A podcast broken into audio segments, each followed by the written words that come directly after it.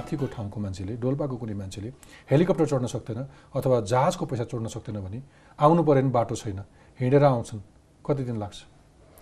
स्वीकार दिनुहोस् मन्त्रीजी मेरो अरू दर्शक कति दिन लाग्छ भन्नुहोस्? न कर्णाली त्यो विकटता थाहा होस्। मान्छे गाडी चढेर हिँड्छन् अरू प्रदेशमा। कति समय लाग्छ? मैले छु। कति दुई दिन चार दिन? थाहा होस् न मेरो दर्शकलाई अब थाहा त सबभन्दा टाढाको मान्छे आउनु सुन्नु सुन्नु न। हुम्लाको सदरमुकाम सिमीकोटमा होइन? अब हुम्लाको सबभन्दा तल रहेको गाविस नै कुवाडी चाहिँ हो त्यहीँ। त्यहाँको मान्छे हुम्लाको सदरमुकाममा जान तिन दिन लाग्छ कि? गाउँपालिकाभित्रकै कुराहरू गरौँ फेरि त्यो। जिल्लाभित्रै कुरा जस्तै मेरै कालीकोटको कालीकोटको सदरमुकाम मेरो- मेरो- गाउँबाट जिल्ला। सदरमुकाम पुग्न एक घन्टा एक दिन लाग्छ दिन आन्सर दिनुहोस् हामीसँग मसँग धेरै प्रश्न छन्। अहिले लामो भयो। कति यस्ता ठाउँहरू छन् जहाँ बाटो नभएको ठाउँमा दस दिनमा पनि आइपुग्दैन। काठमाडौँभन्दा तपाईँको चाहिँ सुर्खेतमा कम दिन लाग्छ। काठमाडौँ अझै धेरै दिन लाग्छ। काठमाडौँमा नजाउँ। अब हामीले के सोच्नु मेरो प्रश्नको त जवाब अब। सुर्खेत आइपुग्न कति टाइम लाग्छ? त्यति मात्रै सोधेको। सुर्खेत। सुर्खेत आउनु त तपाईँको अब सबभन्दा टाढाको दूरी। लाग्छ तिन चार दिन त न्यूनतम लाग्छ। न्यूनतम चार दिन। सदरमुकाममा आउनका लागि तपाईँको दुई दिन तिन दिन लाग्छ। टाढा रहेका गाउँपालिकाका मान्छेहरू सदरमुकामबाट प्लेन चढेर त्यहाँ आउनका लागि प्लेन मात्रै चल्यो प्लेन नचढ्ने मान्छे छ। उसको प्लेन चढ्ने हैसियत छैन भने एक महिनै लाग्छ। एक महिनै लाग्छ।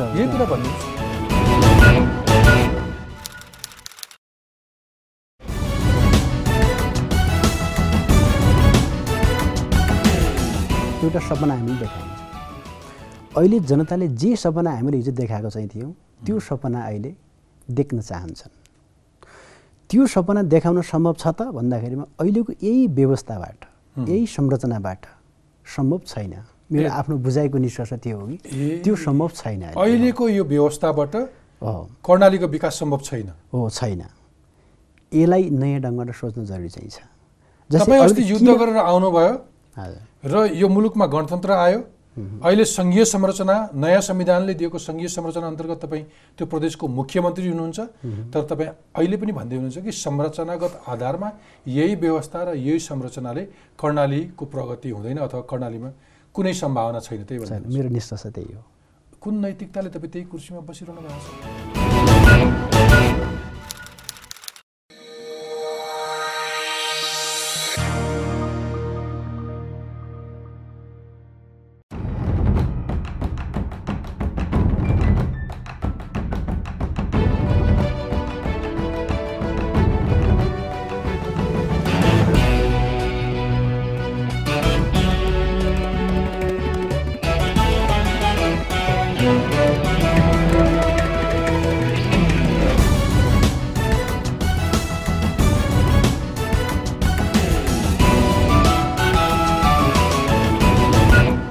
आदरणीय दर्शक तथा श्रोतावृन्द नमस्कार। कार्यक्रम टफ टकमा म दिलभूषण पाठक तपाईँ लगायत मेरा सबै सबै दर्शक तथा श्रोतालाई स्वागत गर्दछु। तपाईँ यो कार्यक्रम टफ टकको आफ्नो युट्युब च्यानलमा हेर्न सक्नुहुनेछ। त्यसै गरी इन्टरफेस नेपाल डट कम हाम्रो पात्रो र आइओएस चलाउने श्रोताहरूले आइट्युन्स तथा एन्ड्रोइड चलाउनेहरूले नेपाली पडकास्टमा पनि टफ टक सर्च गरेर सुन्न सक्नुहुनेछ। आज हामी कर्णालीका कुरा गर्छौँ।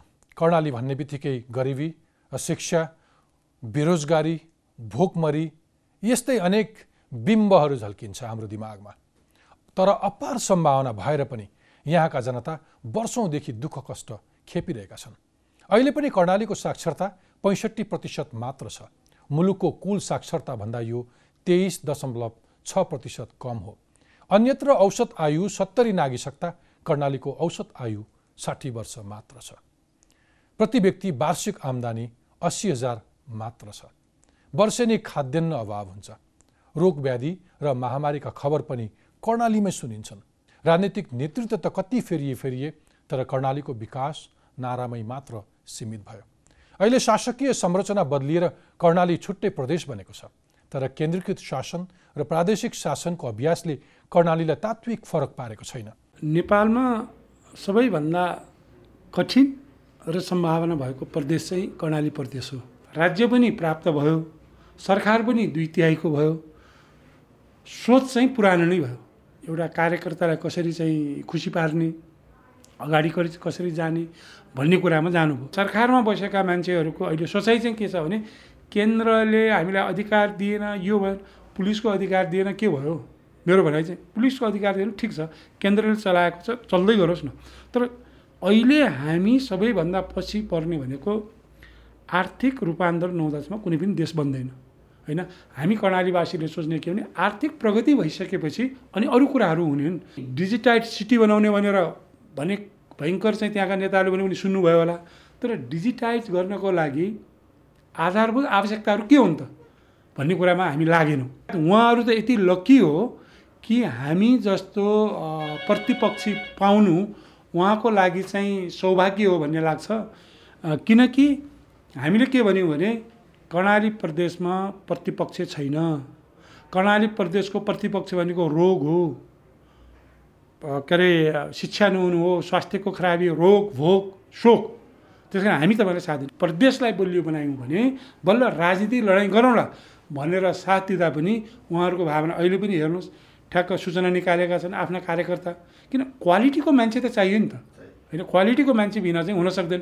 त्यही कार्यकर्ताको भरण पोषण गर्नमा लागिसकेपछि अगाडि बढ्न सक्नै भएन। के परिवर्तन भयो त एक वर्षमा? भन्दाखेरि उहाँहरूले भन्दाखेरि त हामीले यो गऱ्यौँ कुनै छैन। सत्र अठारवटा कानुन बनेका छन्। हामीभन्दा बढी बनाउने प्रदेशहरू अरू छन् बाइस तेइसवटा बनाएका छन्। बल्ल पर्सि पन्ध्र गतेबाट हिउँदे अधिवेशन हुँदैछ होइन? कुन चाहिँ आहा कर्णाली प्रदेशले यी कुरा के परिवर्तन गर्यो भन्ने कुरो देखिएन। त्यसले गर्दाखेरि अहिले सातैवटा प्रदेश मध्येमा सबैभन्दा कमजोर प्रदेश एक जटिल ठाउँ हो। त्यस्तो छ। र अर्को कुरा हामीले जुन विकास गर्ने चाहेका छौँ खुद्रे व्यापार गरे जस्तो गऱ्यो भने हाम्रो उपगति लाग्दै लाग्दैन। किनकि अरू सबै प्रदेशमा हेर्नुहुन्छ भने हाम्रो प्रदेश अचम्म मान्नु होला कि प्रदेशभरिमा प्रदेशभरिमा दसवटा जिल्ला छन्। प्रदेशभरिमा जम्मा थ्री पोइन्ट एट मेगावाट बिजुली रहेछ। जुन प्रदेशको क्षमता भनेको एक्काइस हजार मेगावाट बिजुलीको छ कि त त्यसमा लाग्नुपर्छ ल यो गर्यो।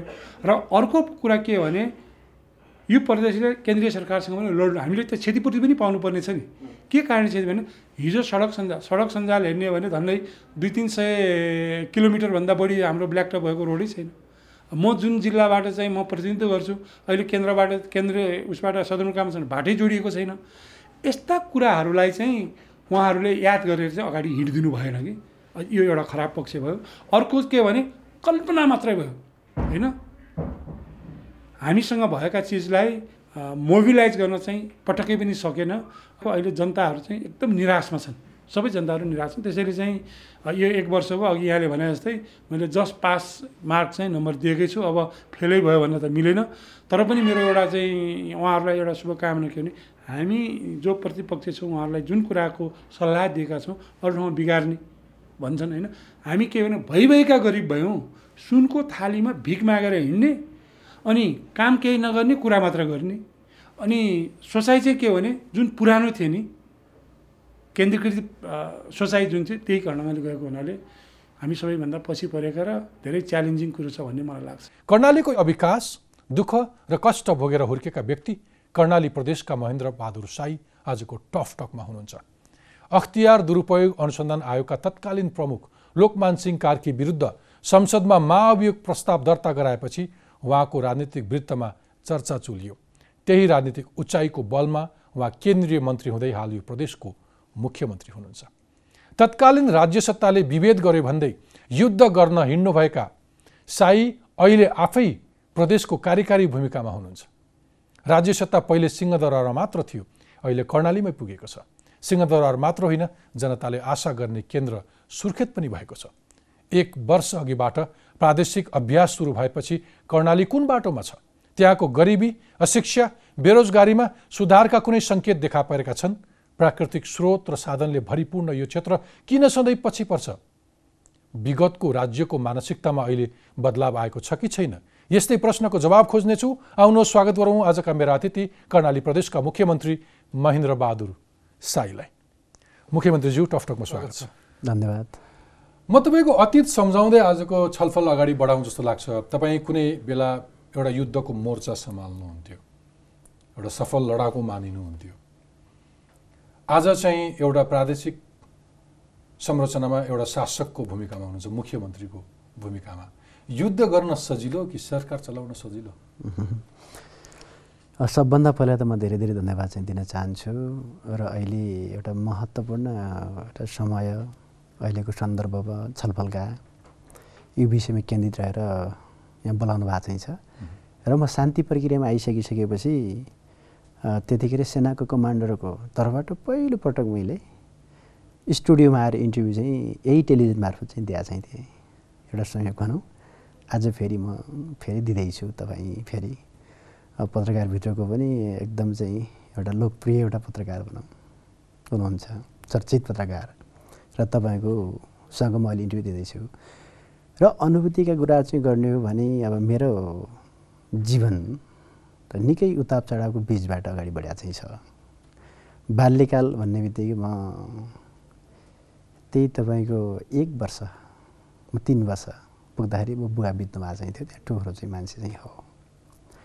र त्यसपछि अलिकति समाजका बारेमा र राष्ट्रका बारेमा केही जान्ने बुझ्ने चेतनाको विकास भइसकिसकेपछि मैले आन्दोलन राजनीतिमा मैले प्रवेश गरेका चाहिँ थिएँ। र त्यसपछि अब यो मुलुकमा परिवर्तन आवश्यक छ आमूल परिवर्तन नगरिकन देश बन्न सक्दैन। र यसका लागि चाहिँ आमूल परिवर्तनको सपना देखेर व्यवस्था नै आमूल परिवर्तन चाहिँ गर्नुपर्छ। र थोरै मात्रै यसलाई सुदित र सुधार चाहिँ गरेर सम्भव छैन भन्ने नै हाम्रो बुझाइ चाहिँ थियो। र हामीले युद्ध पनि गऱ्यौँ भीषण युद्ध चाहिँ भयो। र युद्धका हरेक मोर्चाहरूमा मैले अग्रिम मोर्चामा रहेर अझै मैले त युनिफर्म र मेसिन गन नै बोकेर होइन रेगुलर आर्मीकै रूपमा म हिँडेको चाहिँ व्यक्ति चाहिँ हो। र मैले सेना समायोजनका सबै प्रक्रिया टुङ्गिसकेपछि मात्रै म फेरि यता यो व्यवस्थामा प्रवेश गरेका चाहिँ हो र म सत्तरीमा त्यसपछि म सत्तरीमा चुनाव चाहिँ लडेँ कालीकोटबाट। सत्तरीमा मैले चुनाव जितेँ र त्यसपछि म संसदमा आएँ। र त्यसपछि सङ्घको पनि अब ऊर्जा मन्त्री भएर अहिले मुख्यमन्त्री भएको चाहिँ छु। र हिजोको र अहिलेकोमा धेरै फरक चाहिँ छ। फरक के छ भन्नुहुन्छ भने हिजोको सपना भनेको तपाईँको यो मुलुकमा क्रान्ति युद्ध गरेर व्यवस्था परिवर्तन गर्न सकिन्छ र यसले ल्याउने समाजको परिवर्तनको परिकल्पना फरक ढङ्गले हामीले गरेका चाहिँ थियौँ। त्यो भनेको यी हाम्रा सबै संरचनाहरू चाहिँ हाम्रा नयाँ हुनेछन् वित्तीय संरचना नयाँ हुने चाहिँ छ प्रशासनिक संरचना नयाँ हुनेछ पोलिटिकल संरचना नयाँ हुने चाहिँ छ। शासन व्यवस्था सञ्चालनका नयाँ चाहिँ व्यवस्थाहरू चाहिँ हुनेछन् भन्ने कुराको परिकल्पना गरेका चाहिँ थियौँ कि साँच्चै कि समाजमा रहेका हरेक प्रकारका जो विकृतिहरू चाहिँ छन् यसको अन्त्य हुने चाहिँ छ र मुलुक निर्माणको एउटा नयाँ गति लिने चाहिँ छ। भन्ने सोचका साथ हिजो हामीले ठिक छ। धेरै त्यतातिर हामी यो कुरा त यो यो दस वर्ष दशकभन्दा बढी नेपाली जनताले सुनिसके। म तथ्यगत रूपमा कर्णालीको विकास कसरी गर्न सकिन्छ भन्नेमा क्रमैसँग आउँछु। मेरो आजको अहिलेको पहिलो प्रश्न चाहिँ के भने अनुभूति कस्तो हुँदो रहेछ? एउटा युद्धको मोर्चा सम्हाल्नु माग गर्नु पड्काउँदै हिँड्नु ध्वस्त बनाउँदै हिँड्नु एउटा पक्ष हो। अब निर्माण गर्नुपर्छ नि त होइन? तपाईँले अघि तपाईँले भन्दै गर्दाखेरि यत्रो धेरै राजनीतिक परिवर्तन अथवा यत्रो धेरै मुद्दा उठाउँदाखेरि तपाईँको प्रदेशमा म पनि जुत्ता फाट्ने गरी हिँडेको छु। तपाईँले त्यतिखेर युद्ध गर्दा भन्नुभएको त छ नि त एउटा नागरिकलाई तिम्रा छोराछोरीले शिक्षा पाउँछन्। तिम्रा छोराछोरी अहिले जस्तो खाली भोकमरीमा खाना नपाएर मर्नु पर्दैन। त्यही भन्नुभयो होइन तपाईँले? कर्णालीमा युद्ध गर्दा तपाईँले के भन्नुभयो? अब तिम्रा छोराछोरी खाली पेट भोकै मर्दैन। मर्दैन। रोग व्याधले औषधि नपाइकन तिम्रा छोराछोरी मर्दैन। त्यही भन्नुभयो होइन हो त्यही हो। तर आज पनि मरिरहेछन्। भोकै र औषधि उपचार नपाएर मुख्यमन्त्रीज्यू। मेरो प्रश्न के हो भने युद्ध गर्नु र शासन गर्न कति सजिलो छ? म त्यही कुरा भन्दै थिएँ। होइन यी जे अभावको बिचबाट होइन गुज्रिएको मुलुकलाई सबै प्रकारका अभावहरूबाट मुक्त गर्न सकिन्छ। सम्भव छ भनेर हामीले त्यो मिसनमा हिँडेका चाहिँ थियौँ। र हामीले पूर्णत तपाईँको व्यवस्था परिवर्तन गर्न सकेनौँ। र परिस्थिति के भन्यो भन्नुहुन्छ भने नेपालका सबै संसदवादी पार्टीहरू बिचको मोर्चा बनाउनु पर्ने भयो शान्ति प्रक्रियामा आएर। त्यसपछि सबै सम्मिलित तपाईँको संविधान चाहिँ बनाउनु पर्ने भयो। र त्यसो भयो हुनाले जुन प्रकारको स्पिडका साथ हामी अगाडि बढेका चाहिँ थियौँ र शान्ति प्रक्रियामा आइसकिसकेपछि संविधान सभा मार्फत मुलुकलाई राजनीतिक परिवर्तन दिने भन्ने बाटोबाट आइसकिसकेपछि अब सबै कुराहरू सम्भव छैन भन्ने कुराको चाहिँ निष्कर्ष त्यतिखेर मैले व्यक्ति हिसाबले निकालिसकेको चाहिँ थिएँ। यो भनेको चाहिँ केही तपाईँको यसलाई सुधार मात्र चाहिँ हो। व्यवस्थामा आएको सुधार मात्रै हो।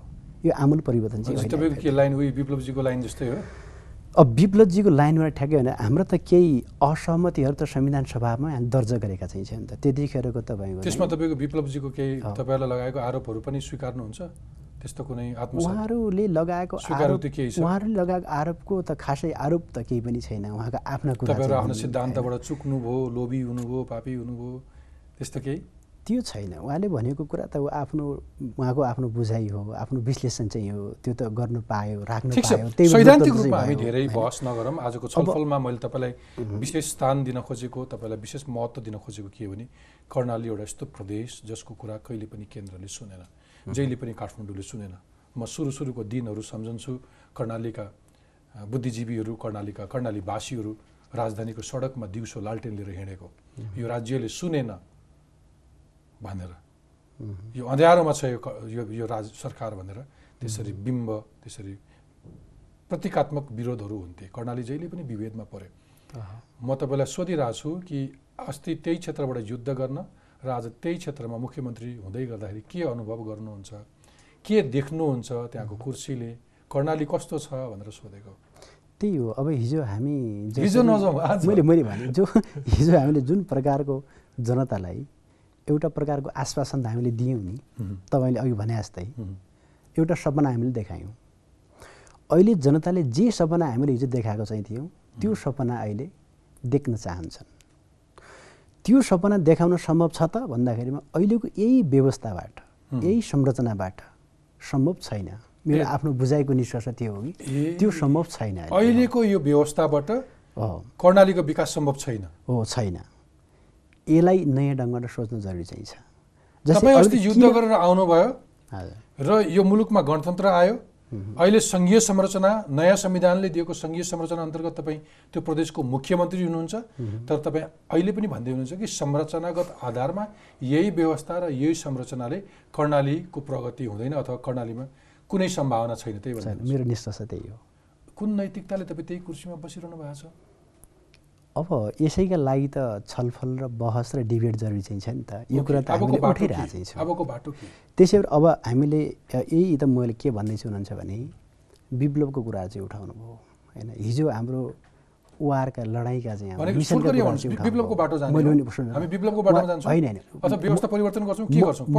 म- भन्दैछु। हामीले हिजोको विशुद्ध युद्धको बाटोलाई मात्रै पक्रेर अगाडि बढ्ने हो भने पनि केही जटिलताहरू चाहिँ छन्। तर हामीले तुरुन्तै शान्ति प्रक्रिया मार्फत हामीले देशलाई राजनीतिक नयाँ निकास दिन जरुरी चाहिँ छ भन्ने कुराको निष्कर्ष निकालेर हामी यो प्रक्रियामा हामी आयौँ। र अहिले पनि संविधान सभामा जे विषय हामीले उठाएका चाहिँ थियौँ जे मुद्दाहरू अझै पनि संविधान सभामा दर्जा गरेर राखिएका चाहिँ छन् त्यो कुरालाई पूर्णतः हामीले चाहिँ संविधानमा व्यवस्था गर्न पाएको भए अहिले यो प्रकारको समस्या। तपाईँको पार्टी सरकारमा छ त्यसैले अब अब? कहाँ जाने भने अब कहाँ जाने भन्ने कुरा चाहिँ भन्छ। अहिले पनि त्यसो भने। तपाईँको जुन आपत्ति छ निर्माण गर्दाखेरि तपाईँको जुन आपत्ति छ तपाईँका पार्टी अध्यक्ष जो पुष्पकमल दाल प्रचण्ड जुन बेला तपाईँ युद्ध गर्दाखेरि पार्टी अध्यक्ष हुनुहुन्थ्यो उहाँ आफै पनि अहिले नेकपाको अध्यक्ष हुनुहुन्छ। तपाईँको अध्यक्ष भनिरहेको छु। तपाईँको पार्टी भनेर तपाईँको पार्टीको फुल मेजोरिटी छ। अहिले। कसले के गर्न रोकिया छ? अब कि अघि युद्ध गर्दाखेरि अरूलाई देखाउँदा हुन्थ्यो अहिले आफू शासन गर्दाखेरि फेरि पन्छिने बाटो हो। अहिले अहिले मैले के भन्दैछु भन्नुहुन्छ भने अहिले पनि तपाईँले हामी यो व्यवस्था कार्यान्वयनमा चाहिँ छौँ। अहिले संविधान हामीले जो बनायौँ यो पनि उपलब्धि नै हो भने हामीले भन्यौँ नि त। यो उपलब्धि नै हो भने यो गएर यो? संविधानमा रहेका जे व्यवस्थाहरू चाहिँ छन् त्यो त संविधानमा प्रश्न छ नि त। हरेक अनुसूचीमा एकल अधिकार के? हुने तपाईँहरूलाई- सङ्घको के हुने भन्ने कुरा प्रश्नै चाहिँ छ तपाईँले यो हुँदा हुँदै यो- हुँदा। यो हुँदाहुँदै पनि अहिले जुन सङ्घीय सरकारले जुन प्रकारका गतिविधि सञ्चालन गरेको चाहिँ छ नि। यो भनेको हस्तक्षेप स्थानीय तहमाथिको हस्तक्षेप प्रदेशमाथिको हस्तक्षेप गर्न थाल्यो भने। त। यसले एउटा समस्या पैदा गर्छ एक मैले होइन अरू थप अधिकार दिनु पर्दैन जे संविधानमा भएको व्यवस्था चाहिँ छ नि यो व्यवस्था कसैले कसैमाथि तपाईँको ओभरल्यापिङ गर्नु हुँदैन हस्तक्षेप चाहिँ गर्नु हुँदैन यो। किनकि त्यो अधिकार एउटा प्रमुख प्रश्न। केन्द्रको हस्तक्षेपले कर्णाली विकास हुन सक्दैन? त्यही भन्दै हुनुहुन्छ? केन्द्रले खटाएर दियो तपाईँलाई? म- भन्दैछु। एक नम्बरमा त्यो समस्या चाहिँ यसलाई यसलाई हामीले बुझ्नु पर्यो कि अहिले विषय सर्वत्र उठिरहेको छन्। अहिले जुन प्रकारका विधेयकहरू चाहिँ संसदमा पेस गरेको चाहिँ छ यसले गर्दा प्रदेश सरकारको स्था अधिकारमाथि पनि प्रश्नवाचक चिन्ह खडा भएको छ। नम्बर एक यसले पनि समस्या निम्त्याउँछ यसले पनि असहज परिस्थिति द्वन्द्व निम्त्याउनेतिर लैजान्छ। यतातिर जानु हुँदैन। नम्बर एक मैले भने। दोस्रो कुरा भनेको चाहिँ त्यहाँको विकास गर्नका लागि कर्णाली प्रदेश तपाईँले त भन्नुभयो कि आफै घुमेर आएकै छु सबै कुरा त्यहाँको भिर पाखा अकड विकट प्रत्येक सबै कुरा सब देख्नु भएको छ। कति ठुलो चाहिँ भूगोल चाहिँ छ। त्यहाँको जनसङ्ख्या एकदम छरिएर रहेको छ। हो। त्यस्तो ठाउँमा विकास गर्नका लागि प्रदेश सरकार बन्ने बित्तिकै पोलिटिकल तपाईँको संरचना खडा भयो। त्योभन्दा अगाडि खडा हुनुपर्ने प्रशासनिक संरचना खडा हुनुपर्छ प्रशासनिक संरचना चाहियो त्यसपछि तपाईँको चाहिँ वित्त तपाईँको व्यवस्थापन भइसक्नु पर्थ्यो वित्तीय संरचना खडा भइसक्नु पर्थ्यो। कर्मचारीहरूको सेटिङ भइसक्नु पर्थ्यो। त्यसपछि तपाईँको जनप्रति आउने बित्तिकै आवश्यक पर्ने कानुनहरू चाहिँ बनाएर अनि बजेटलाई योजनामा चाहिँ ढालेर कार्यान्वयनमा अगाडि बढ्न कसले गर्नु पर्थ्यो? त्यो अगाडि त्यो अगाडि हो त्यो अगाडि गर्नु पर्थ्यो। चुनाव नहुनुभन्दा अगाडि जो सरकारमा चाहिँ थिए जसले नेतृत्व गरेका थिए त्यताबाट जाने त्यो भएन। ढिला भयो यो कुरा। अहिले अहिले फेरि सरकारले गर्दाखेरि त्यसपछि।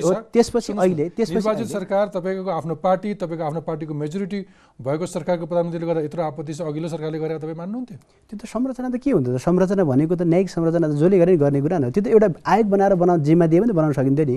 कुनै एउटा आयोगलाई जिम्मा दिएर आयोगले त्यो तयारी गर्न लगाएर त्यसलाई त पछि तुरन्तै चुनाव हुने बित्तिकै तपाईँको सरकार बन्ने बित्तिकै अनुबन्ध गर्न सकिन्छ। अनि त्यो पनि भएन। त्यसपछि त अलि एक वर्ष त फेरि बित्यो नि त। त्योभन्दा पछाडि सरकार बनिसकेपछि त सबभन्दा पहिला टुङ्गिनु पर्ने विषय के हुन्छ भने संरचना टुङ्गिदिनु पर्छ। त्यसपछि हामीले चाहिँ आवश्यक जनशक्ति अलिकति म चाहिँ मुख्यमन्त्रीको शपथ ग्रहण ग्रहण गर्ने बेला पदभार ग्रहण गर्ने बेला तपाईँको क्षेत्रीय प्रशासकलाई तपाईँको पदभार ग्रहण भनेर एउटा मौखिक चाहिँ जानकारी मात्रै दिएको चाहिँ थियो सचिव चाहिँ थिएनन् त्यहाँ। अफिस चाहिँ थिएन तपाईँको कुनै कार्यालय चाहिँ कहाँ भन्ने कुरा कुनै पनि मन्त्रालयको चाहिँ थिएन फेरि त्यो। छ महिना पछिसम्म पनि त मन्त्रालयमा सचिव उपस्थित हुन सकेनन्। त्यसै आवश्यक पर्ने हाम्रो जनशक्ति आवश्यक पुरा हुन सकेन यो ढिला यो ढिला। तपाईँहरू सरकारमा आउनुभएको यो मूलधारको रान्तिमा आउनुभएको कति वर्ष भयो? कति पटक तपाईँको पार्टी यो सरकारको सत्ता सम्हाल्यो? कति पटक तपाईँको पार्टीका नेताहरू प्रधानमन्त्री हुनुभयो? यो सबै बिर्सिनुभयो तपाईँले यो भन्दै गर्दाखेरि। बिर्सिया छैन। त्यही भएर त मैले भने अहिले जनताको आवश्यक जनताको आवश्यक भने तीव्र गतिमा विकास वर्ष छन् समृद्धि गर्दाखेरि छन्। नेपाल कहाँ थियो अहिले कहाँ छ? त्यो त त्यो पनि भन्दिनँ त्यो तपाईँले फेरि यति धेरै राजनीतिक परिवर्तन भयो भनेर भन्नुहुन्छ। कर्णाली कहाँ थियो अहिले कहाँ छ? कर्णाली मेरो प्रश्न। तपाईँले जनयुद्ध सुरु गर्दाखेरि जे सपना तपाईँले भन्नुभयो त्यो गर्दाखेरिको दिनमा र आज तपाईँ त्यहाँको मुख्यमन्त्री हुँदै गर्दाखेरि कर्णालीको मुहारमा केही फरक छ? केही छैन। केही पनि छैन। छैन। कहिलेसम्म थोरै- यस्तै हुन्छ? थोरै केही सुधारका काम तपाईँ पनि मुख्यमन्त्री बस्नुहुन्छ? थोरै थोरै सुधारका काम बाहेक अरू केही पनि हुन सकिरहेको थोरै छैन सुधार चाहिँ तपाईँ आएर गरेँ भन्नुभएको। मैले मात्रै भने छैन फेरि त्यो। तपाईँको कार्यक्रममा यो पाँच वर्षमा के त्यो त म नभए पनि भइ नै रहन्थ्यो फेरि त्यो। त्यतिको अबको- थोरै थोरै भागभण्डाको आधारमा जाने बजेट त गइ नै हाल्थ्यो। त्यो अनुसारको काम विकास त अगाडि बढी नै हाल्दै त्यो। म भएर नै ठुलो कायपलट चाहिँ त्यो प्रदेशमा चाहिँ भयो त्यो क्षेत्रमा भयो भनेर पनि भन्नु पक्षमा चाहिँ छैन। त्यसैले मैले के भन्नुहुन्छ भने लिडरसिप नेतृत्व भनेको भिजन चाहियो हुँ, सोच हो एउटा क्या एउटा सोच हुनु पऱ्यो सोचलाई हामीले तपाईँको एउटा प्लानमा ढाल्न सक्नु पऱ्यो योजना निर्माण गर्न सक्नु पऱ्यो अनि त्यसको कार्यान्वयन गर्ने तीव्र इच्छा शक्ति हामीसँग चाहिँ भयो भने त्यसलाई कायापलट गर्न सक्छौँ? छोटै समयमा ठुलो प्रगति गर्न सकिन्छ। त्यो भने समस्या अहिले पनि जस्तै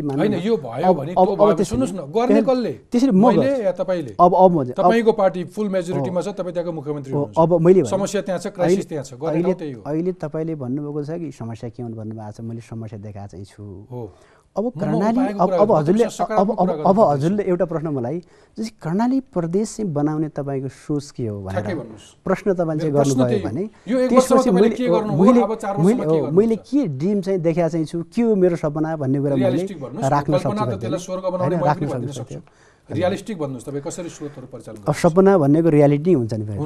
सपना भनेको कुनै काल्पनिक पनि हुँदैन। होइन त्यसो वर्ष लाग्छ अहिले अहिले। अहिले हामीले के भन्नुहुन्छ भने अब कर्णाली प्रदेश बनाउनका लागि केही व्यवस्थापिक जटिलताहरू चाहिँ छन् मैले भने जस्तै कि संरचनागत समस्याहरू। छन् मैले भने भएको छैन। मैले? मैले संरचनाको समस्या चाहिँ छ। हामीलाई चाहिने दक्ष जनशक्तिको व्यवस्थापन चाहिँ गर्नु छ र त्यसपछि हामीलाई चाहिने पुँजीको व्यवस्थापन गर्नु छ त्यहाँ। कसरी मैले भन्छु म पुँजीको व्यवस्थापन गर्नु छ। त्यसपछि जुन प्रकारको हामीले एउटा ड्रिम जुन एउटा सोच बनायो त्यो सोचलाई कार्यान्वयन गर्नका लागि चाहिने आवश्यक कानुनहरू हामीले निर्माण गर्नु छ। त्यसैले हामीले के यो वर्ष एक वर्ष भनेको हामीले के भन्नु भने कर्णाली प्रदेशको अध्ययनको वर्ष अनुसन्धानको वर्ष योजना निर्माणको वर्ष कानुन निर्माणको वर्ष भनेर यो वर्षलाई घोषणा गऱ्यौँ पचहत्तरलाई हामी घोषणा गरेका छौँ। ए। कि यसको हाम्रो चैतसम्म गएपछि हामी फाइनल गर्छौँ हामीले फेरि त्यो त्यहाँ अहिले हाम्रो प्लान के छ भन्नुहुन्छ भने सबभन्दा पहिला कर्णाली प्रदेश हामीले? सबै कुराको अध्ययन गरिरहेको छौँ अहिले अध्ययन भनेको के छैन सबभन्दा कुनै साइन्टिफिक कुनै अर्गनाइज अध्ययन गर्नु भएको छ कि यसै बसेर छलफल मैले मैले गर्नुभएको म भन्दैछु हामी विभिन्न प्रकारका टोलीहरू खटाएका छौँ। तपाईँले बुझि पनि राख्नु भएको छ। विभिन्न प्रकारका समाचारहरू बाहिर आइरहेको चाहिँ छन् होइन? हामीले अब बाहिर प्रकाशित भएको चाहिँ छ। भने, सबभन्दा हाम्रो चाहिँ भूगोल कति चाहिँ छ त्यसको जिआइएस हामीले गर्ने भनेको चाहिँ जो डिजिटल म्यापिङ हामीले गर्छौँ। त्यसपछि अहिलेको बसोबास जो चाहिँ छ नि बस्तीहरू भनेको अन्धकण्डा ठाउँमा चाहिँ ठिक छ, छ एउटा त्यो। जो उच्च जोखिममा चाहिँ छ त्यस्ता बस्तीहरू कति घरहरू छन् भन्नाले पहिचान गर्नका लागि टोली खटाइसकेका चाहिँ छौँ। ती अब यति घरवटा चाहिँ छन् उच्च जोखिममा छन् या छरिएर रहेका छन्। त्यो ठाउँमा विकास पुगाउनले धेरै ठुलो बजेट खर्च हुन्छ सरकारको। त्यसलाई जति सक्छ नजिक ल्याउने भने एकीकृत बस्ती विकास कार्यक्रम कर्णाली प्रदेशको चाहिँ पहिलो प्राथमिकता हामीले भन्यौँ। अब एकीकृत बस्ती विकास कार्यक्रमभित्र ल्यान्ड पहिचान हामीले गर्छौँ। ल्यान्डहरू हेर भनेको छ। जस्तै एउटा गाउँमा त एक ठाउँमा ल्याएर राखेर त अर्थ छैन। त्यसको त तपाईँले भने जस्तै वैज्ञानिकता चाहिँ हामीले पुष्टि गर्नु पर्यो। त्यो ठाउँमा राखिसके भोलि त्यो जनताको चाहिँ के हुन्छ त स्रोत के। हुनसक्छ के हुन् त्यसका प्राकृतिक साधन स्रोतहरू यी सबैको पहिचान चाहिँ हामीले गरेर यो ठाउँमा राख्दाखेरिमा यिनीहरू यो स्रोत पहिचान गरेर जनताहरूको चाहिँ गुजारा चल्न सक्छ भने हामी ती लोकेसनहरू कहाँ कहाँ कुन कुन ठाउँ हुन् भने हामीले लोकेट गर्छौँ। यो हाम्रो जेठ असारसम्म हाम्रो टुङ्गिन्छ। यो वर्ष हाम्रो टुङ्ग्याउँछ हामीले हुन्छ तपाईँले यो वर्ष सर्वे मात्रै गर्नुहुन्छ। सम्भावित अध्ययन सम्भावित अध्ययन मात्रै सम्भावित गर्नुहुन्छ अध्ययन चाहिँ एक वर्ष बित्यो अब यो वर्ष भनेको कहिलेसम्म? यो चैतसम्म। यो चैतसम्म तपाईँले सम्भावित अध्ययन गर्नुहुन्छ। त्यस पछाडि विकासले गति लिन्छ भन्दै हुनुहुन्छ होइन? अब विकास त जो सेङ्गले पठाएको अहिले भन्ने हो भने बजेट कर्णाली प्रदेशमा हामीसँग पन्ध्र अरब पैसा मात्रै हो। विकास बजेट नौ अरब पैसा मात्रै हो। नौ अरब खर्च गर्ने कुरा त यो वर्षको नौ अरब पैसा यही वर्ष हामी खर्च गरिहाल्छौँ। यसले कतिवटा? कतिवटा धारा बन्छन् कतिवटा ल सत्तरी पर्सेन्ट तपाईँको चाहिँ बजेट सम्झौतामा गइसकेका चाहिँ छ। हामीसँग धेरै साधन स्रोतको अभावको बिचबाट भने के? भन्नु हामीसँग इन्जिनियर चाहिँ थिएनन् तर पनि हामी त्यो कामहरू गऱ्यौँ हामीसँग सचिव चाहिँ थिएन त्यो कामहरू गऱ्यौँ। क्याबिनेटको प्रस्ताव पनि तपाईँको मन्त्री हामी आफैले क्याबिनेटको प्रस्ताव लेखेर लिएका चाहिँ छौँ। हरेक ठाउँको- निवेदन हरेक ठाउँको निवेदन पनि हामी आफैले लेखा चाहिँ छौँ फेरि त्यो। सिग्नेचर। सिग्नेचर गरिदिने मान्छे चाहिँ छैन। अहिले तपाईँको चाहिँ डिपिआर कुनै चाहिँ हामीले आयोजनाको डिपिआर गर्नु एकजना तपाईँको चाहिँ अब लोकसेवा लडेको कर्मचारी तपाईँको चाहिँ इन्जिनियर सिग्नेचर गरिदिने मान्छे चाहिँ छैन। उसले सिग्नेचर नगरेसम्म टेन्डर हुँदैन। यस्ता अभावका बिचबाट भने कि एकजना मात्रै तपाईँको चाहिँ इन्जिनियर तपाईँले कहीँ भन्नुभएको थियो तपाईँले कहीँ। भन्नुभएको थियो कि यो कर्मचारीको अभाव भयो? कर्णालीमा पहिलेदेखि नै कर्मचारी बस्दै बस्दैनथे स्वास्थ्य चौकीमा स्वास्थ्य कर्मी हुँदैनथे स- कर्मचारी स्वयंले पनि कर्णालीलाई हेरेको दृष्टिकोणले हेरे। शासकहरूले राज्यबाट जहिले पनि विभेद मात्रै भयो त्यो ठाउँमा भनेर भन्। के कारण रहेछ? किन कर्णालीमा मान्छे आउन मान्दैनन्? भूगोल मात्रै हो। अब कर्णालीमा अब नआउनुका एक दुईवटा कारणहरू चाहिँ छन्। एउटा कारण के छ भन्नुहुन्छ भने मानसिकताका कुराहरू चाहिँ छन्। त्यसैले मैले धेरै सुरुमै कुराहरू गरेँ। मैले ब्रेन वार्कै कुरा मैले गरेँ फेरि माइन्ड सेटका कुरा मैले कुराहरू चाहिँ मैले गरेँ।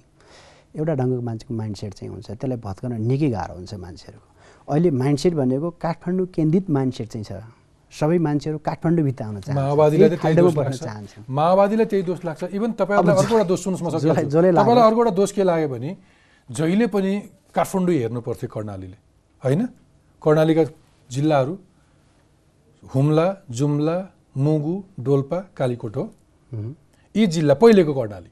पहिलेको कर्णालीले जहिले पनि केन्द्रले हामीलाई हेरेन टाढा भयो टाढा भयो। भन्थ्यो। हुँदा हुँदा यो प्रदेशको राजधानी पनि तपाईँले काठमाडौँ जस्तै टाढा हुम्ला जुम्ला मुगु डोल्पाका लागि अझ तपाईँको कालीकोटसम्म सम्मका लागि काठमाडौँ जस्तै टाढा सुर्खेतमा राख्नु भएन नडाँटिकन भन्नुहोस् तपाईँको जन्मेको ठाउँबाट आजको दिन तपाईँको कार्यालय आउन कति समय लाग्छ? कति दिन हिँड्नुपर्छ?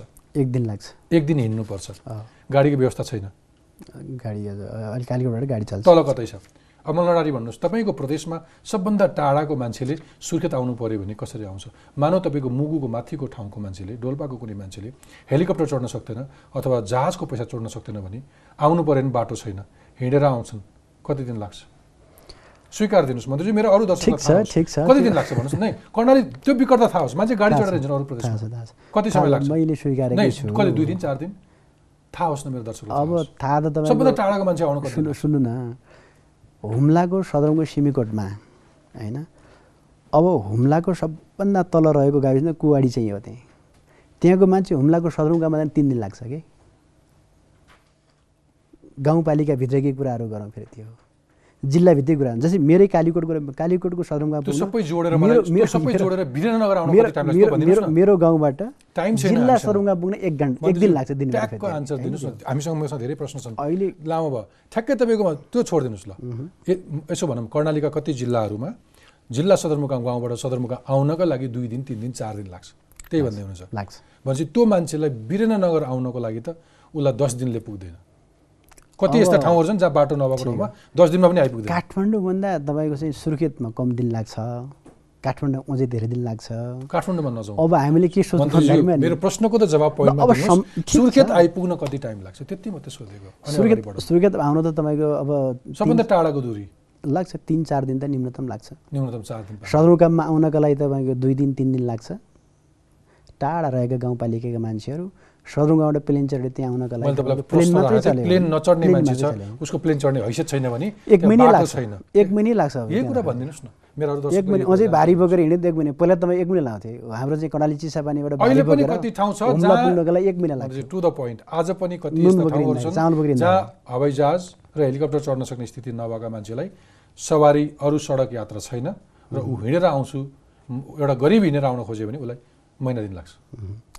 हामीले त अहिलेको तुलनामा अहिले- तपाईँको नि जुम्लामा सदरमुकाम राख्यौँ भने डोल्पाको मान्छे जुम्लामा आउन झन् बढी टाइम लाग्छ। सबैभन्दा उत्तम ठाउँ त्यही थियो सिधिहाल्नु टाइम। त्यहाँ आउन टाइम लाग्थ्यो। अहिले के छ भन्छ भने सञ्चार जोडिएको भनेको तपाईँको सुर्खेतबाट हो। सुर्खेतबाट एयरपोर्ट छ आन्तरिक हामीले हवाई उडानबाट पनि अब केही सेवा सुविधा दिन सक्छौँ। ठिक छ। तर जहाँ तपाईँको एयरपोर्ट छैन जहाँ त्यति पनि सुर्खेतबाटको सेवा सुविधा। नभएको ठाउँमा हामीले केन्द्र राख्यौँ भने। झन् गाह्रो हुन्छ।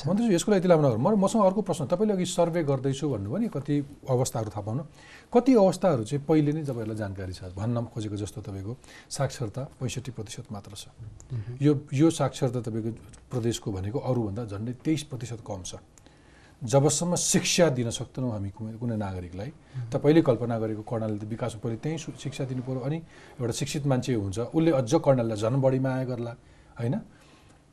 त्यसको कार्यक्रम के छ तपाईँहरूसँग? शिक्षा कसरी बढाउने? अब यसका लागि छलफल सङ्घीय सरकारसँग हामी गरिरहेको छौँ।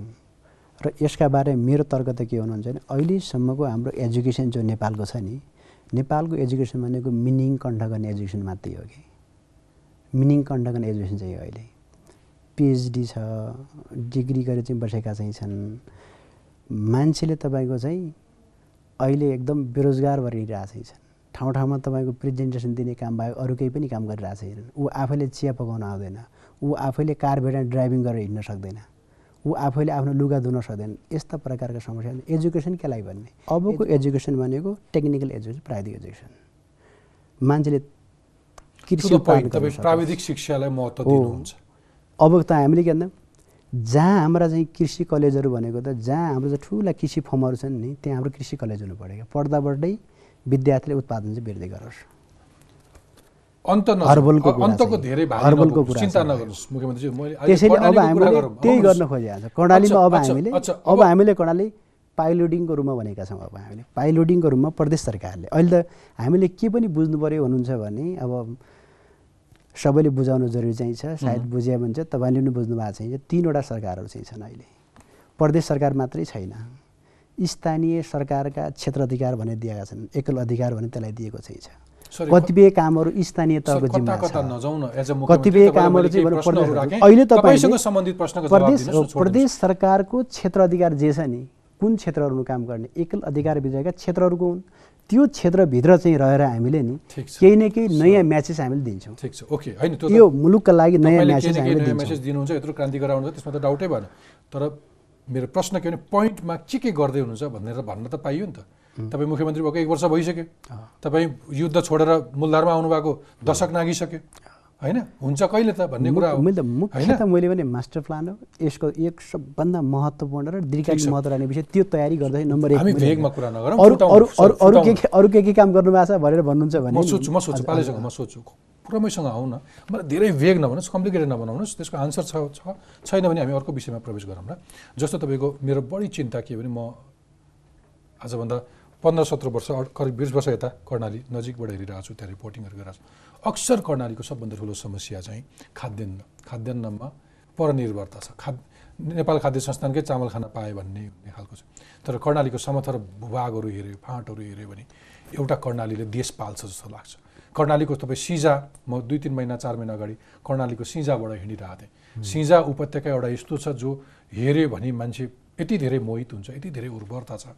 तर त्यही प्रदेशमा अन्न त्यति धेरै उत्पादन गर्न सकेका छैनौँ। तलबाट अझ भारततिरको चामल किनेर खाद्य संस्थानले त्यहाँ पुर्याउनु पर्छ नि त्यसका लागि लुचाचुडी छ त्यो निर्भरता छ नि। स्वयं आफूले अन्न उत्पादनका लागि के गर्न सकिन्छ? अहिले मुख्यमन्त्री मात्रै भएर सोचे हो र योभन्दा अघिल्लो पटक पनि मन्त्री हुनुभएको छ यत्रो युद्ध गर्नुभएको छ। सोच्नु भयो होला नि अथवा यसको उपचार के छ भनेर सोधेको के तपाईँलाई?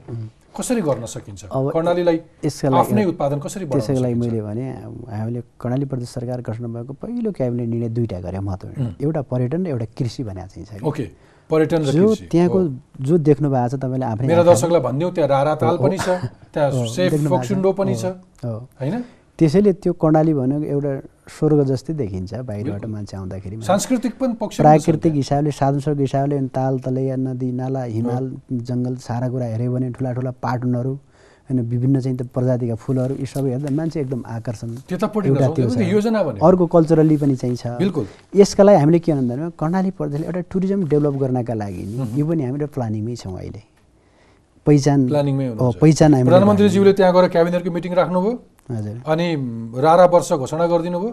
तपाईँलाई भनिदिउँ गत भदौमा म रारा जाँदाखेरि चरामुसा कोही पनि थिएन म एक्लो थिएँ. त्यो अब त्यो टनाटन मान्छे त घोषणा गरिदिएपछि जाला- हुन्छ। टनाटन होइन चारजना मान्छेको पनि यसो भने। भन्नु कि तपाईँले के कुरा बुझ्नु पऱ्यो भन्दाखेरिमा नि एउटा हाम्रो समस्या के छ भने आज तपाईँको बारीमा मकैको चाहिँ तपाईँ एउटा दाना रोप्ने भोलि बिहान टक्कै त्यसलाई निकालेर एउटा कोसा बनेको चट्ट पोलेर खाने टेस्ट लिने। भन्ने भन्दा पनि त्यसको पनि त एउटा सडन समय त लाग्ला नि फेरि त्यो घर घर- घर? घर घर घर बनाउँदाखेरिमा पनि तपाईँको चाहिँ जग हाल्दाखेरिमा छत छाउँदाखेरिमा त निश्चित टाइम त लाग्छ त फेरि त्यो कि तर हामीले के हेर्नु पर्यो भने कामको गति हेर्ने हो कि काम कुन गतिमा अगाडि बढाएको चाहिँ छ? स्पिड के छ क्या कार्नेटको स्पिड के छ? प्लानिङ के छ यिनीहरूको? प्लानिङ सही छ कि छैन? डिजाइन कस्तो प्रकारको गरे? गलत डिजाइन यिनीहरूको सही छैन त सबभन्दा डिजाइन डिजाइन तपाईँले मैले डिजाइन हेरिसकेपछि डिजाइन हेरिसकेपछि मैले भने सुन्नु, तपाईँलाई एउटा कुरा कार्नेट भनिदिउँ। कुन छिप्न गएको छ भन्ने कुरा। भन्नु। तपाईँ सुन्नुहोस् न यो मुलुकका प्रधानमन्त्रीले रारा वर्ष घोषणा गरेको एक वर्ष पुग्न लाग्यो। क्याबिनेटको मिटिङ गर्नुभयो। तपाईँ र म अहिले जाउँ नेपालगञ्जको विमानस्थलमा। एउटा कुनै कर्णालीवासीले सजिलै टिकट पाउँछ। ल भन्नुहोस्। तपाईँको रारा जानलाई एउटा कुनै यात्रुले अहिले भनेको बेला टिकट पाउँछ। पाउँदैन। अनि मेरो प्रश्न थियो त्यसो भए रारा वर्ष किन? तपाईँको रा तपाईँको मुगुमा रारा जाने मान्छेले सयजना मान्छे एकैचोटि गयो भने बस्ने होटल छ? नडारी भन्नुहोस्। छैन। पर्याप्तता छैन। छैन। प्रधानमन्त्रीज्यूलाई डिलमा बसेर अब- वर्ष घोषणा किन त्यसैले? मैले कर्णाली प्रदेशको पर्यटन भनेको नेचुरल पर्य- पर्यटन चाहियो। अब तपाईँले सोच्नुभएको छ फाइभ स्टार होटल चाहियो काठमाडौँ जस्तै फाइभ स्टार फाइभ स्टार होटलमा सुन्नको लागि रारामा किन जाने। ए काठमाडौँ तपाईँहरू तपाईँ मेरो कुरा सुन्नुहोस्। मेरो न। कुरा होइन अन्त होइन। गर्न खोजेको त्यही कुरा बुझ्नु तपाईँले फेरि त्यो केबल कार चढ्नको लागि कर्णाली किन जाने। यही चन्द्राकी गए पुग्छ नि तपाईँहरूलाई होइन त। हामीले कर्णाली प्रदेश हो कर्णाली हो कर्णाली प्रदेश भनेको पिस इन्भाइरोमेन्ट चाहिँ हो त्यही कुनै आर्टिफिसियल केही पनि हुँदैन त्यो फेरि त्यो। त्यही हेर्दा ट्र्याकिङ गर्नुपर्छ त्यही। त्यसो कुनै ट्र्याकिङ होइन, ट्र्याकिङ ट्र्याकिङ गरेर। हामी हामी प्लानिङ गर्छौँ ट्र्याकिङ गर्ने। आजको क्याम्प कति कतिको ट्रेकिङ डिस्टेन्स हामी बनाउँदैछौँ रुट त। सुर्खेतबाट बनाउँदैछ अहिले त्यो। अध्ययनमै छ। डिपिआर गर्छौँ। डिपिआर गर्छौँ हामीले।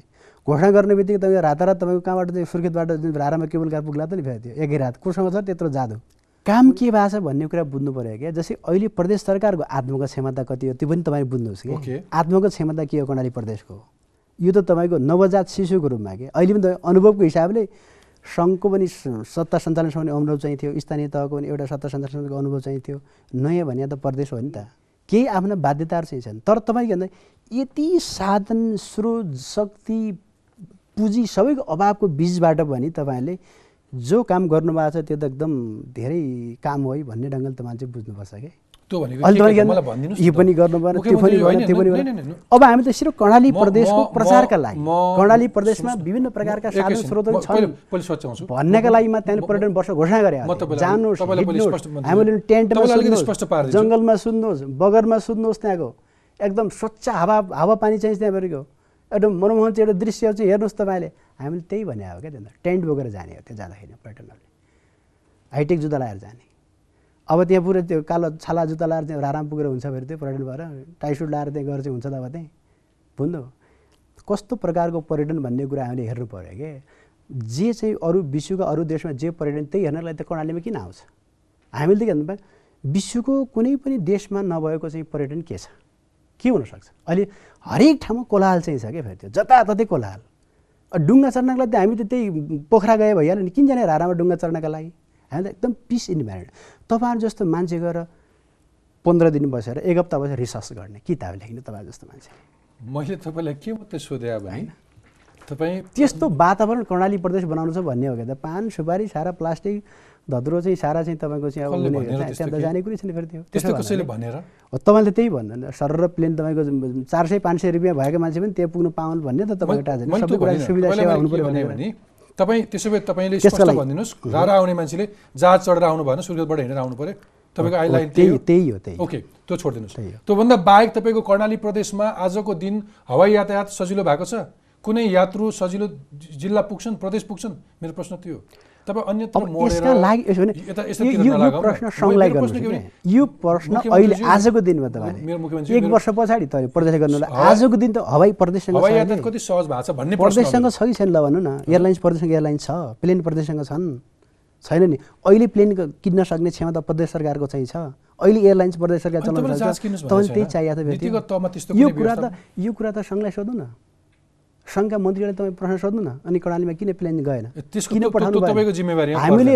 कतिपल्ट क्या प्रदेश तपाईँ प्रदेश क्याबिनेटले गरेका निर्णय चाहिँ हेर्नु त सङ्घीय सरकारले पठाएका। एउटा प्लेन उपलब्ध गरेर एउटै प्लेन मात्रै हामीले मागेका थियौँ। सुर्खेतमा राति बस्ने गरेर। एउटा प्लेनको व्यवस्थापन गरिदिनु पऱ्यो भनेर क्याबिनेटले दुईपटक निर्णय गरेर सङ्घीय सरकारले पठाइ पठाइसकेका छ। अहिलेसम्म सुनवाई नै गरेका छैन।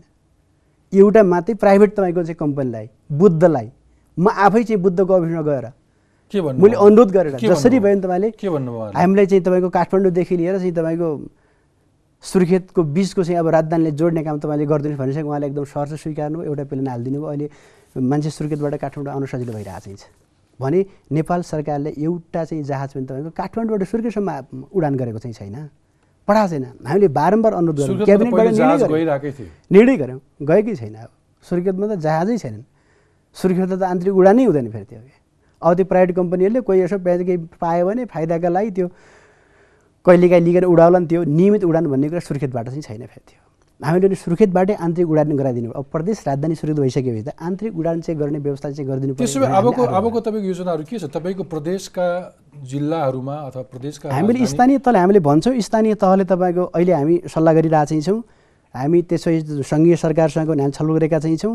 अब यदि सङ्घीय सरकारले व्यवस्था गरेन भने हामी स्थानीय तहसँग छलफल गरेर हामीले चाहिँ पुँजी जुटाएर हामीले भने पिपिपी मोडल भनेका छौँ पब्लिक जनताको पनि हामीले त्यसै प्राइभेटको पनि सरकारको पनि तपाईँको चाहिँ पुँजीलाई सेन्ट्राइज गरेर हामीले कर्णाली एयरलाइन चलाउने भन्ने पनि हाम्रो छलफल भइरहेको छ। त्यो भएपछि। पछिका लागि ती समस्याहरू सामना ठिक छ।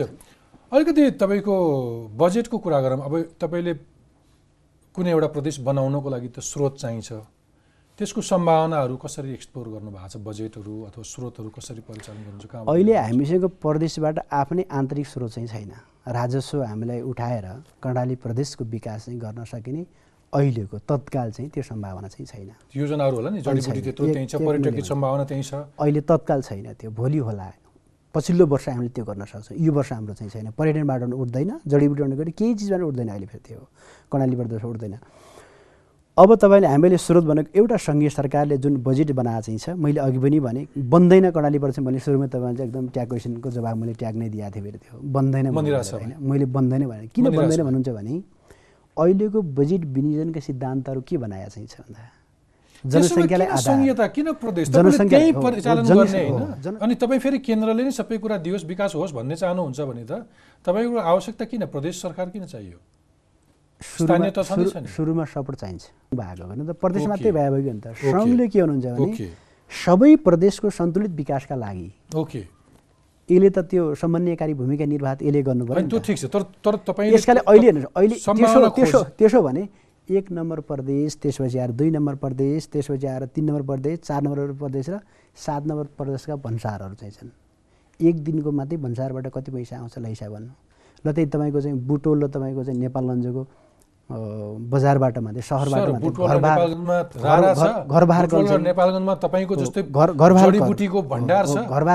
राजधानी हो। आजको कुरा गर्दैछ। पछि कुरा त पछिको पछिका लागि त- आजको कुरा पनि हो। तपाईँ पछि- व्यापारले त्यहीँनिर त्यत्रो जडीबुटी तपाईँले मलाई आजको क्वेसन सोध्नु भएको पछिको सोध्नु म-। कन्फ्युजन भएँ। तपाईँले आजको क्वेसन सोध्नु भएको भोलिको सोध्नु भएको भोलिको सोध्नु भएको छ भने कर्णाली सबैभन्दा धनी म भन्छु। सबैभन्दा धनी प्रदेश कर्णाली प्रदेश हुन्छ। त्यो पछि हुन्छ। आज धनी छैन? आज धनी छैन। पछि भनेको सबै विकास हामीले गरिसकेपछि। सबै पूर्वाधारको विकास हामीले गरिसकेपछि। जस्तै हामीले जडीबुटीका ठुला ठुला हामीले औद्योगिक हामीले जो प्रशोधन केन्द्रहरू खोल्ने उत्पादन वृद्धि गर्ने त्यसको अन्तर्राष्ट्रिय बजार हामीले व्यवस्थापन गरिसक्ने कृषिको पनि हामीले उत्पादन भएको अन्तर्राष्ट्रिय बजार हामीले खोजिसक्ने। त्यसपछि। अन्य अन्य हाम्रो उद्योगहरू खोलिसकेको स्थिति समय- हाम्रो हाइटो पावर बनाइसकेको स्थिति। यो अवस्थामा भोलि हामी धनी हुन्छौँ। तर आजको दिनको कुरा गर्नु हामीले त बजेट त आजको व्यवस्थापनको कुरा त सोचिराख्नु न। यसका लागि हामी यसैले हामीले के गर्यौँ? एउटा केन्द्रले चाहिँ हामीले सपोर्ट गर्ने एक। दोस्रो कुरा हामीले साझेदारी संस्थाहरूसँग हामीले कुरा नेपालका साझेदारी संस्थाहरूसँग कुरा गरिरहेको छ जस्तै ओल्ड ब्याङ्क एडिबी लगायतका यिनीहरू चाहिँ डिफिट लगायतका यिनीहरू पनि छन्। यिनीहरूसँग छलफल हाम्रो भएको चाहिँ चाहिँ। अब कर्णाली प्रदेशमा सफ्टवेयरमा होइन हार्डवेयरमा तिमीहरूले सपोर्ट गर। यो भनिरहेको चाहिँ छौँ।